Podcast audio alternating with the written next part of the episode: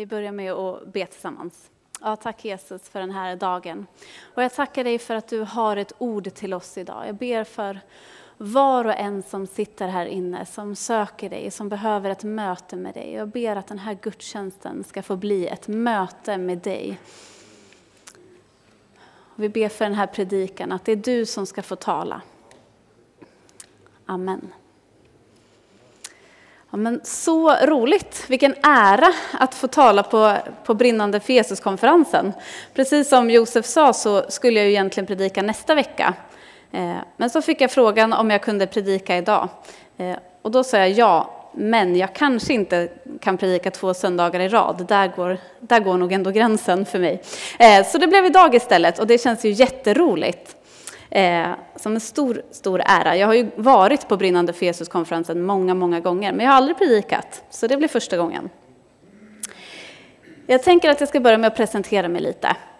Jag heter Elin Karlsson och bor i Tuna tillsammans med mina tre barn och min man.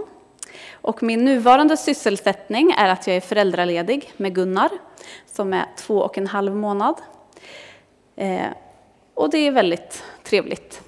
Och alla som har talat om för mig, det är många här som har peppat mig eh, under min graviditet och sagt så här, Elin det kommer bli så mycket enklare med ett barn. För jag hade ju tvillingar, eller jag har ju tvillingar. Eh, och det var tufft att vara föräldraledig med tvillingar. Och så har de sagt att det kommer bli så mycket enklare med ett barn.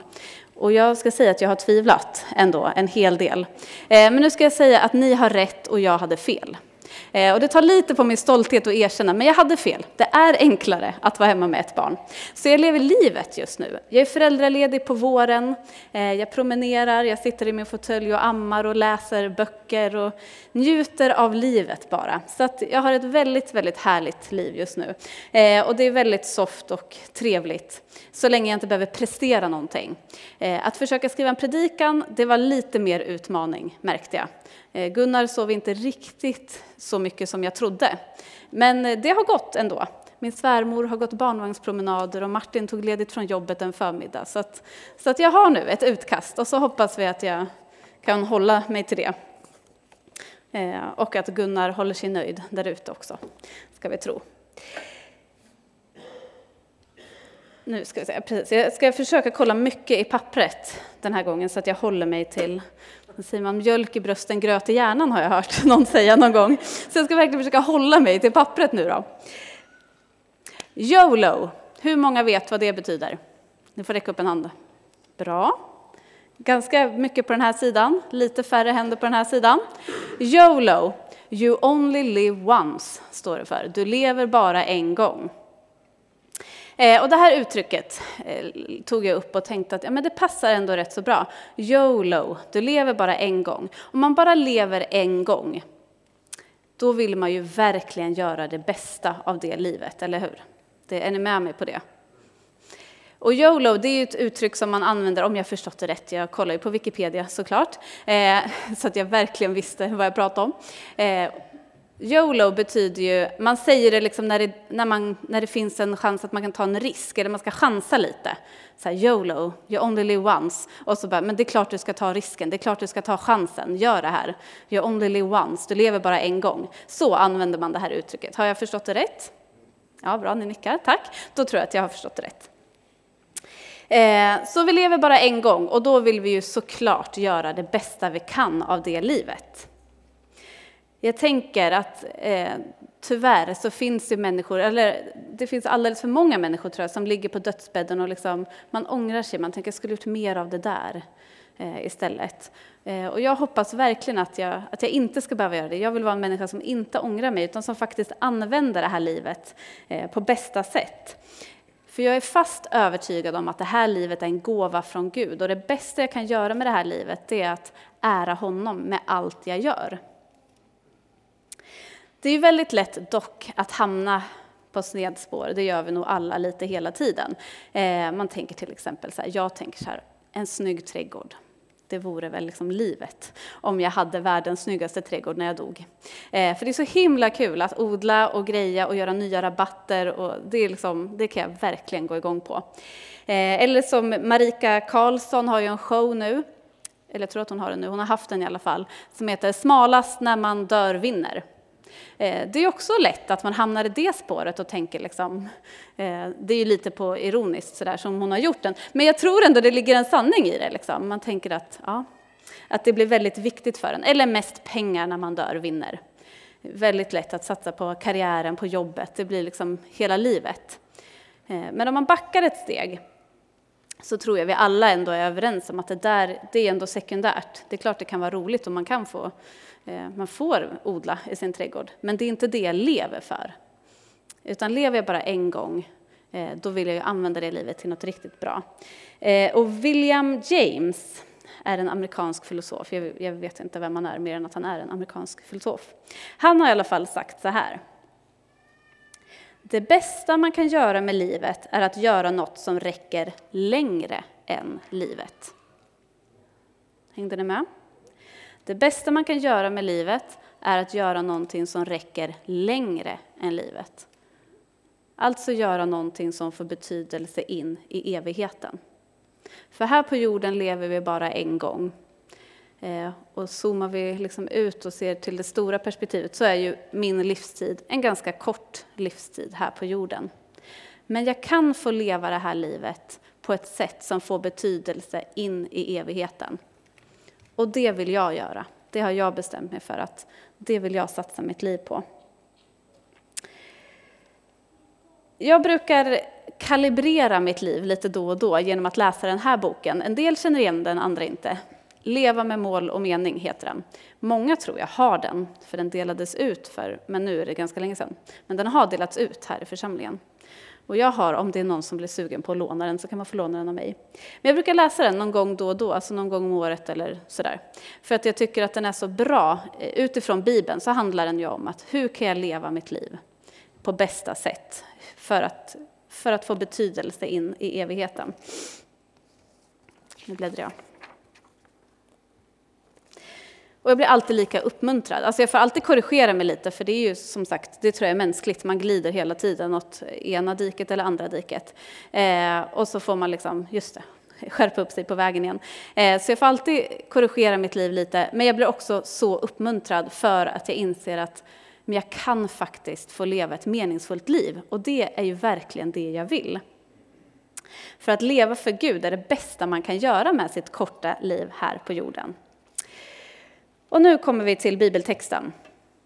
Johannes 1, vers 35. Dagen efter stod Johannes döparen där igen med, sina, med två av sina lärjungar. Och när Jesus kom gående förbi Johannes, nej, såg Johannes på honom och sa, där är Guds lamm. De båda lärjungarna hörde detta och började följa Jesus. När Jesus då vände sig om och såg att de följde efter honom frågade han, är det något ni vill? De svarade, rabbi, det betyder mästare, var bor du? Då sa Jesus, kom med mig och se. Jag pausar där, vi ska fortsätta läsa lite senare, men jag pausar där just nu. Det första som jag tänker när jag läser den här texten är ju, vad hände dagen innan? För det börjar ju Nästa dag börjar det ju på den, i den översättningen. Nästa dag. Så vad hände dagen innan då? Jo, dagen innan hade Jesus kommit till Jordanfloden och blivit döpt av Johannes döparen. Och kanske var de här två lärjungarna med då och såg med egna ögon det här dopet. Eller så har Johannes återberättat eh, den här häftiga upplevelsen av Jesu dop. Men på något vis så pekar i alla fall Johannes ut Jesus igen och säger där, där är han, där är Guds lamm. Och de här lärjungarna de greppar direkt eh, och börjar förfölja, följa efter Jesus istället. De tvekade ju inte en sekund, de bara eh, följde efter.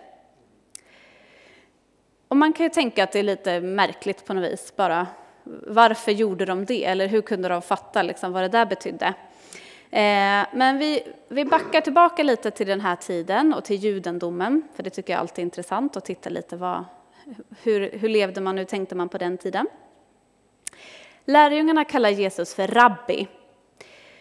Och en rabbin är en judisk lärare vars uppgift är att tolka texten, alltså tolka Bibeln. Eh, för att få fram vad Gud menade egentligen med texten. Eh, så om man till exempel tar sabbatsbudet, att du ska inte arbeta på sabbaten, det står ju i Bibeln. Och då var det rabbinens uppgift att liksom tolka ut vad betyder det här då, att inte arbeta på sabbaten. För det krävs ju alltid en tolkning. Man tolkar ju alltid det man läser. Eh, och då gjorde rabbinerna så att de gjorde liksom som listor så, med vad som var tillåtet och vad som var förbjudet. Eh, och då kunde ju en rabbin säga att ja, men det är okej att gå en kilometer på sabbaten, det är inte arbete. Eh, men så fort du går längre, då, då är det förbjudet. Eh, och en sa att ja, men du får tända en eld, det är okej. Och en annan sa nej, du får inte tända en eld, det är arbete. Och så gjorde man så, listor, vad som var tillåtet och vad som var förbjudet. Och det här gjorde man ju på alla bud, på, på hela liksom, Bibeln som fanns på den tiden. Eh, Tora, som det hette. Så tolkade man det. Eh, och en rabbins tolkning, de här listorna på vad som var förbjudet och inte förbjudet, eller förbjudet och tillåtet, det kallades för en rabbins ok. Så så en rabbins ok, det var liksom den tolkningen av, av Bibeln. Eh, och då en liten parentes här. Vem, vem sa mitt ok är milt och min börda lätt? Bra, bra. Precis. Eh, och då blir ju den texten lite mer begriplig också. Att Jesus säger att mitt ok är milt och min börda är lätt. Alltså hans tolkning eh, följer vi Jesus. Eh, så, så, ja, det var bara en parentes förresten. Ja, så vi, vi har kommit på vad som är en rabbins ok, alltså det är rabbinens tolkning. Det var det jag skulle komma till. Så när de här lärjungarna följer efter Jesus och säger rabbi till honom så är det ju som att de erkänner att okej, okay, nu vill vi följa ditt och din lära Jesus. Ehm, och då kan man ju tänka att men Jesus har ju knappt börjat än, han har ju precis blivit döpt. Hur kan de veta att, att de ska följa honom? Ehm, men då ska vi titta lite på det här dopet, för det är väldigt intressant. Eh, för på den här tiden, så i synagogorna där rabbinerna undervisade, eh, så redovisade man alltid vems, vems ok man undervisade. Man, alltså, om jag är rabbin nu då, då sa jag så här, ja men jag undervisar efter eh, rabbinen Akivas ok. Och då visste alla så här, okej, okay, då vet vi liksom vad han tycker. För det var ju väldigt sällan det kom en ny lära eller en ny rabbin. Utan man undervisade ju efter liksom de gamla. Men det fanns några olika tolkningar ändå. Men ibland så kom det ändå en ny rabbin som hade en ny lära, ett nytt ok. Och då var ju frågan, hur visste man att man kunde lita på den här rabbinen? Och det är ju naturligt att man ska förhålla sig lite skeptisk om någon kommer och säger att ja, men jag tolkar det här på ett helt nytt sätt, det här har ni aldrig hört förut. Men då, fanns det, liksom, då var det vedertaget på det sättet att om två äldre rabbiner la sin hand på den här nya rabbinen och sa att lyssna på honom, då visste man att okej, okay, då vi lyssnar på honom. Och då är det intressant att kolla vad som hände dagen innan. Då döptes Jesus och när Jesus döps, då säger ju dels Johannes döparen, som hade blivit en erkänd profet där, att, eh, att Johannes döparen säger att han inte ens är värdig att knyta upp Jesus sandaler. Johannes döparen erkänner ju verkligen Jesus. Eh, väldigt tydligt. Och sen hörs det ju också en röst från himmelen som säger Det här är min älskade son. Har på det? Så det är liksom två stycken erkännanden av Jesus där i dopet. Det är alltså två erkännanden av den här nya rabbinen, att man ska lyssna på honom. Eh, och jag tänker, ni får ju liksom tolka mig kritiskt här nu, men jag tänker att det här är ändå tydligt för de här lärjungarna att Jesus blir erkänd som en ny rabbin. Det är honom vi ska följa nu. Eh, och direkt börjar de följa Jesus istället. Sen kan jag tycka att den här texten är lite skojig. Jag vet inte om vi kan få upp den igen bara så vi har den. Det är alltid lättare när man ser, i alla fall är jag sån, att jag behöver se orden. Eh, då båda lärjungarna hörde vad han sa och följde efter Jesus. Jesus vände sig om och då han såg att de följde efter honom frågade han vad de ville. Alltså de här lärjungarna verkar inte säga någonting utan de bara liksom börjar smyga efter på något sätt. Eh, och jag vet inte varför de, alltså om de tänkte att de var diskreta, att han inte skulle märka något, eller ja, det vet vi inte. Men det, jag tycker bara att det är lite roligt att det är liksom Jesus som får lov att vända sig om och säga, ah, vill ni något eller vad, vad är det som händer nu? Eh, och så säger han ju, kom med och se. Och det var ju temat för den här konferensen, kom med och se. Och jag hoppas ju att den här predikan ska få, få bli det, att du får komma med och se att det bästa du kan göra med ditt liv, YOLO, du lever bara en gång, eller hur? Och det bästa du kan göra med ditt liv, det är att följa Jesus. Och det är min första punkt. Och jag har bara två punkter, men ska jag, ska göra lite utläggning omkring båda. Så den första punkten, följ Jesus. Du har bara ett liv och vill du göra det bästa du kan med det livet, så följ Jesus. Det, gör ju, det är det första som händer i den här texten. De här lärjungarna de lämnar Johannes på en gång och börjar följa efter Jesus. Och det finns ju många argument till varför man inte skulle vilja göra det, eller varför man inte skulle tordas göra det. Någon kanske tänker, finns ens Gud? Kan jag lita på det här? En annan tänker, ja men vågar jag verkligen säga ja? Det kanske blir pinsamt. Vad ska kompisarna säga? Ska jag bli en sån där radikal Jesus-människa? Det känns ju jättejobbigt. YOLO. Våga ta risken, eller hur? Våga ta risken. Du vågar vara radikal Jesus efterföljare, eller hur? Du lever bara en gång, det är klart du ska ta chansen. Och i Bibeln, i Första Korintierbrevet 1 och 18, så står det så här. Korset är en dårskap för dem som går förlorade, men för oss som räddas är det Guds kraft. Ja, det kommer se ut som dårskap för dem som inte tror. Det får vi bara räkna med. Men det är Guds kraft. Vi blir räddade om vi följer Jesus. Så det är värt att ta den chansen. Och vi har verkligen något att lära av de där lärjungarna. För de kom inte med så många ursäkter, utan de var redo. Och de kanske hade ställt den här frågan många gånger till sig själva. Hur kan jag göra det bästa av det här livet? Och när de väl hade funnit Jesus, när de väl hade funnit Messias som de hade väntat på, då fanns det ingen tvekan. Då bara direkt så följde de honom. Och det är kanske inte alla idag som går runt och väntar på, på att bli räddade. En del känner ett jättedjupt behov av att bli räddade och andra känner inte det. Men sanningen är ändå att alla människor behöver bli räddade. Alla människor är skapade till Guds avbild.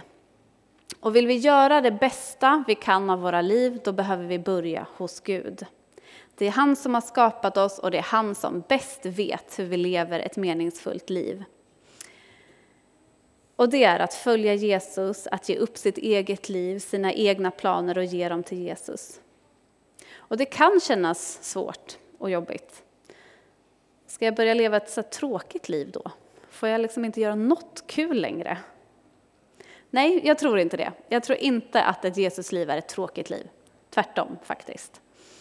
Eh, och när Gud skapade människan, alltså läser vi i Bibeln i Första Mosebok, när Gud skapade människan, då skapade han ju först hela världen. Han tog ju jättemånga dagar på sig att skapa en otrolig värld som var fantastisk, eh, med höga berg och stora hav och växter och djur. Och det var ju verkligen en, en Edens lustgård, alltså en fantastisk plats. Och så det sista han gör är ju att skapa människan och så säger han så här, kolla jag har skapat en hel värld åt er. Gå ut och njut, bara. Eh, så jag tror verkligen att följa Jesus, det är att, att ha ett härligt liv och att njuta av livet och tacka Gud för att vi kan göra det. Det är en del av att leva för att ära Jesus. Eh, så det är inte att vi ger upp och ska bara leva ett... Eh, vet, Lukas predikade någon gång för länge sedan om en munk var det, va, som levde bara på en... Det är jättemärkligt och sant. Han levde hela sitt liv på en liksom, stenpelare högst uppe där. Eh, för att, ja, och gjorde liksom ingenting. Folk fick kasta upp mat till honom för att bara leva för Gud och bara, liksom, bara ägna sig åt att be hela tiden. Och det var, det var säkert rätt för den munken, jag ska inte säga att det inte var det. Men jag tänker att Gud det har liksom inte kallat oss alla till att bara leva på en stenpelare och inte göra någonting roligt någonsin mer. Utan att Gud tycker att vi får liksom njuta av livet. Eh, och bara, vi får bara tacka Gud för att vi kan njuta av livet, eller hur? Så vill du ha så mycket ut av livet som möjligt, så följ Jesus. Om jag skulle ta upp, det var argument ett. Argument två för att följa Jesus. Eh, om jag skulle visa upp en uppfinning som du aldrig har sett förut så skulle ju inte du ha en aning om vad du skulle använda den till. Och den här prylen skulle inte kunna tala om det för dig heller. Utan enda sättet att veta hur du ska använda den här prylen det är ju att gå till uppfinnaren. och fråga vad, vad använder man den här grejen till? Precis, och då hade jag ju tänkt ha min telefon i handen. Men precis. Om jag skulle ge en telefon till en grottmänniska, då är jag helt övertygad om att denna grottmänniska inte skulle kunna utnyttja all potential som finns i den här telefonen.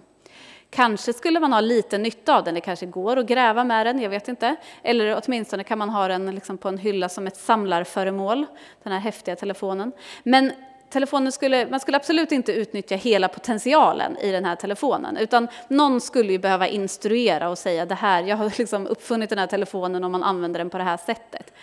Och så tror jag att det är med oss människor också. Vi har så mycket potential och enda sättet att få utnyttja all den potential som ligger nerlagd i dig, det är att gå till Gud. För det är bara han som vet eh, hur du bäst använder ditt liv. Och jag tror att vi är många som ändå kan relatera till den känslan att liksom, jag vill något mer av livet, är inget mer. Jo, det finns något mer i livet och du måste gå till Gud för att upptäcka det. Så det var punkt nummer ett, följ Jesus. Om du vill ha ut så mycket som möjligt av det här enda livet på jorden, så följ Jesus. Punkt nummer två, ta med fler. Och då läser vi vidare i texten. Johannes 1 och vers 39 kör vi från då. Han sa, följ med och se, och de gick med honom och såg var han bodde och stannade hos honom den dagen. Det var sent på eftermiddagen. Andreas, Simon Petrus bror, var en av de två som hade hört Johannes ord och följt med Jesus. Han träffade först sin bror Simon och sa till honom, vi har funnit Messias, det betyder Kristus. Han tog med sig honom till Jesus. Jesus såg på Simon och sa, du är Simon, Johannes son, du ska heta Kefas, det betyder Petrus. Nästa dag tänkte Jesus bege sig därifrån till Galileen. Då träffade han Filippos. Han sa till honom, följ mig. Filippos var från Besaida, från samma stad som Andreas och Petrus. Filippos träffade Natanael och sa till honom, vi har, funnit honom, det, vi har funnit honom, det står om i Mose lag och hos profeterna, Jesus, Josefs son, från Nasaret. Natanael sa, kan det komma något gott från Nasaret? Filippa svarade, följ med och se. När vi har tagit emot Jesus, när vi har sagt vårt eget ja till Jesus, när vi har bestämt oss för att följa honom, som de här två lärjungarna som texten börjar med, de började med att följa Jesus. Och direkt efter det så börjar de ta med sig fler. De säger kom, vi har hittat honom, vi har hittat räddningen. Och det var, Jesus hade inte ens sagt att de skulle göra det, utan de gjorde bara som Jesus själv.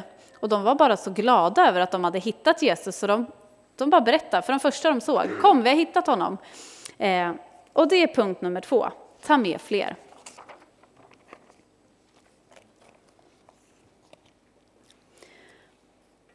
Och som sagt, jag tror ändå att det ligger inbäddat i de flesta människor att vi vill känna att vi betyder någonting. Att vårt liv har fått betyda någonting. Att vi har gjort avtryck.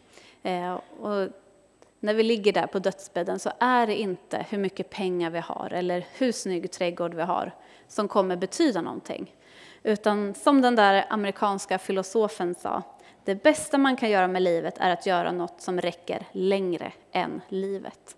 Och att ta med sig fler människor till Jesus, det ger avtryck in i evigheten. Och Jesus han erbjuder ett sånt meningsfullt liv. Och i missionsbefallningen så står det att Jesus säger, åt mig har getts all makt i himlen och på jorden. Gå därför ut och gör alla folk till lärjungar. Döp dem i Faderns och Sonens och den helige Andens namn och lär dem att hålla alla de bud jag har gett er. Och jag är med er alla dagar till tidens slut. Det är vårt andra uppdrag.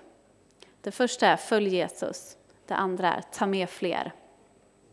You only live once.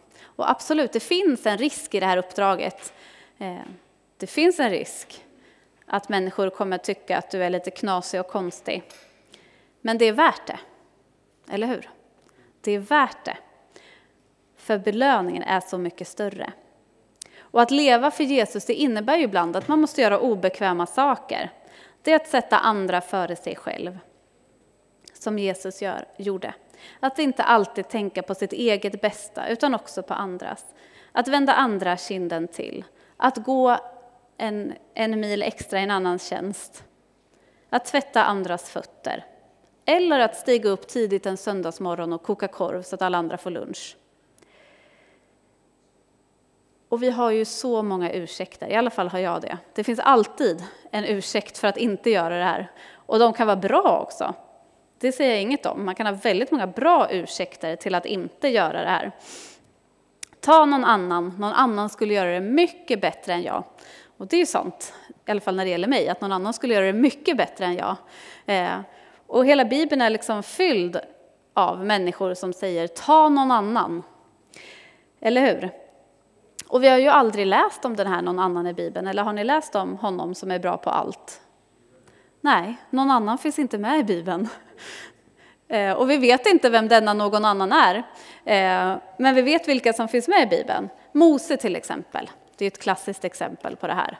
Mose blir kallad av Gud. Gud säger Mose, gå till Egypten och befria mitt folk. Och vad svarar Mose? Nej, ta någon annan.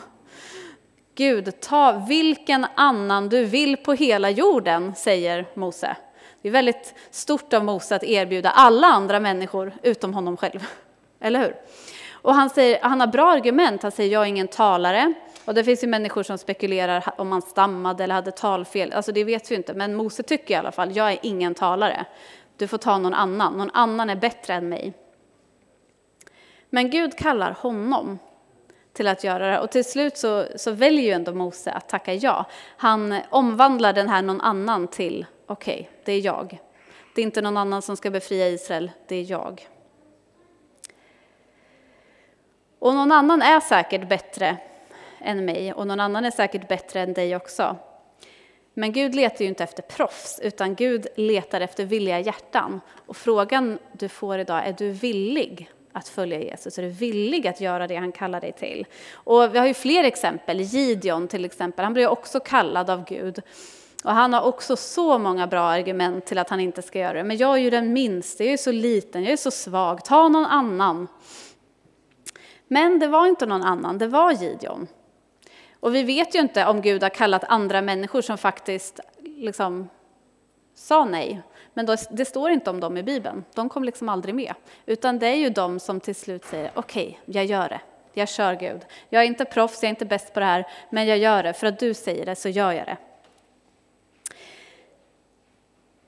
Och vi är inte ensamma om att ha ursäkter, utan vi är i gott sällskap. Jag ska bara nämna lite snabbt fler i Bibeln som har bra ursäkter.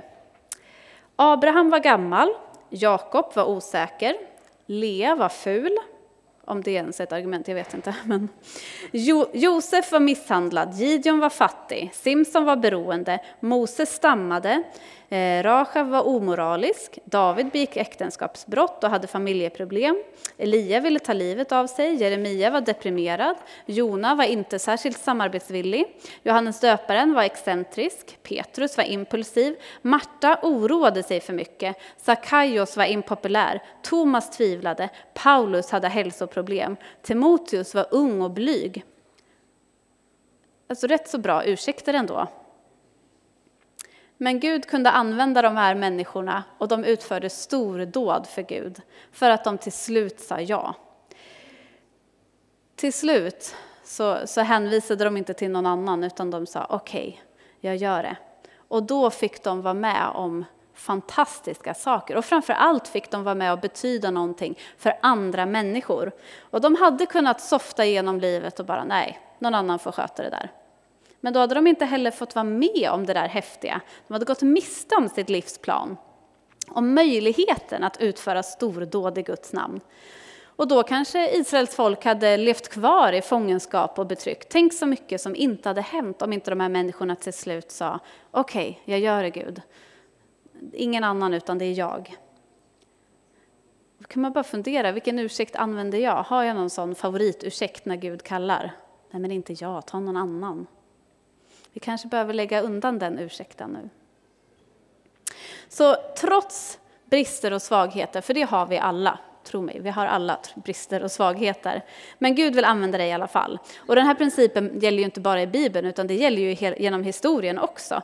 Historieböckerna är ju fyllda av, män, fyllda av människor som har uträttat stordåd eh, för att de valde att säga ja. Eh, de har ut, kämpat strider, gjort uppfinningar, stått upp för sanningen. Och det som är gemensamt för de här människorna är ju att de inte litade på någon annan, utan att de tänkte det är jag eller ingen. När de förvandlade någon annan till jag så föddes hjältar. Och det kan hända dig och mig också. Det finns ingen kristen skolgrupp på vår skola, någon annan borde starta en. Nej, jag borde starta en, eller hur? Någon borde sätta sig bredvid den där människan som ser ensam ut. Nej, jag borde göra det. Och det finns ju hur många saker som helst, eller hur, som någon borde göra. Som jag kan göra. Så YOLO, ta chansen. Använd ditt liv. Lev ett meningsfullt liv. Följ Jesus eh, och gå ut och berätta för andra. Ta med andra. Så för att sammanfatta det då. Det här var mina två punkter, så jag är snart färdig. Jag måste kolla på klockan. Ja. Vi lever bara en gång. Och då vill vi ju göra det bästa vi kan av det korta lilla liv på jorden, även om det innebär vissa risker. Och då menar jag att utifrån Bibeln så kan vi se att det bästa vi kan göra utifrån den här instruktionsboken är att följa Jesus och ta med fler till honom. Och jag tänkte att jag bara skulle avsluta med att berätta en en berättelse från historien som ni känner igen.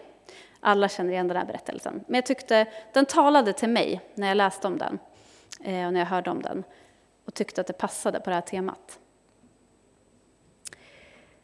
1908 så beställer rederiet White Star tre skepp.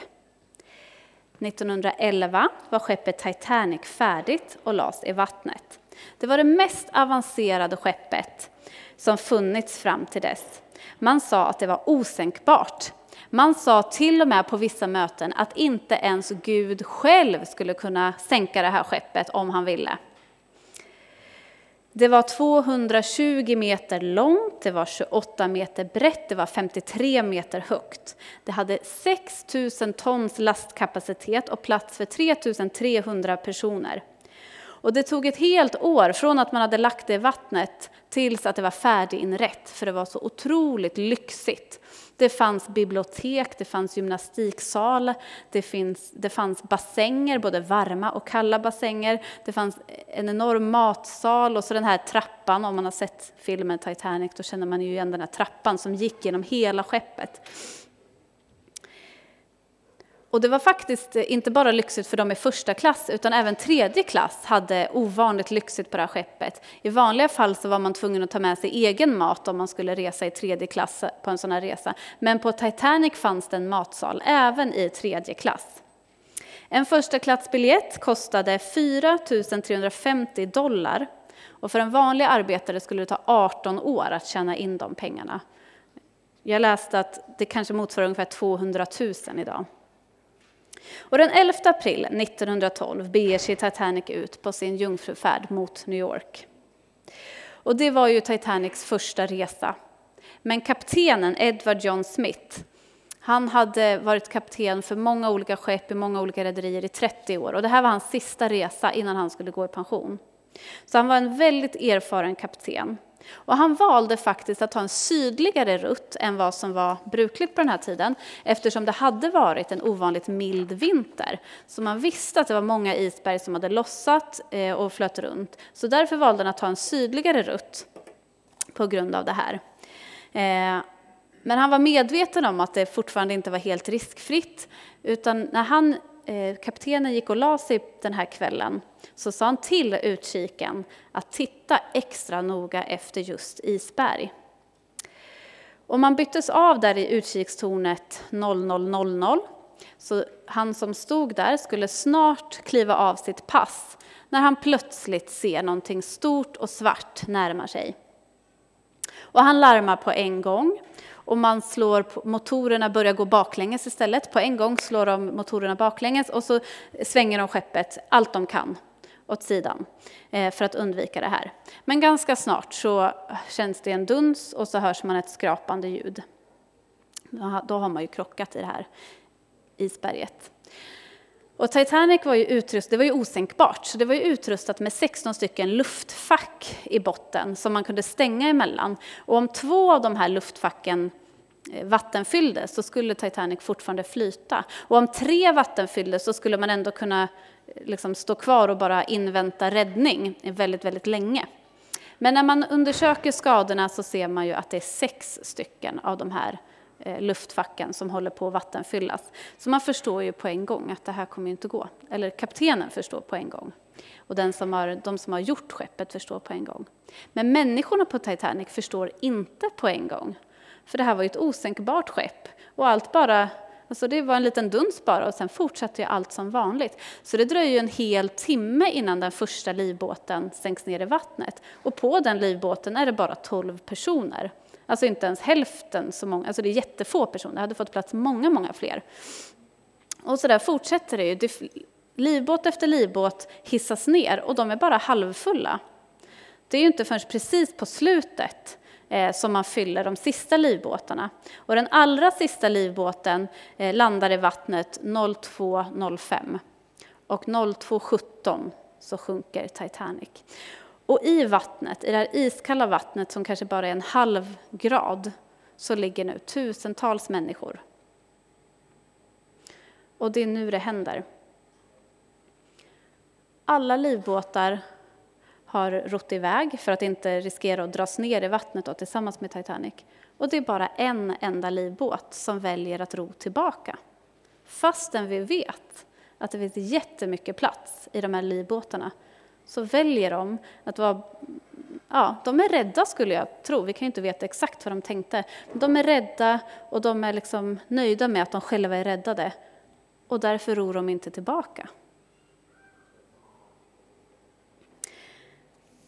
Och det här talar så starkt till mig när jag hörde det. För att vår kyrka är ju en livbåt. Vi är räddade av Jesus.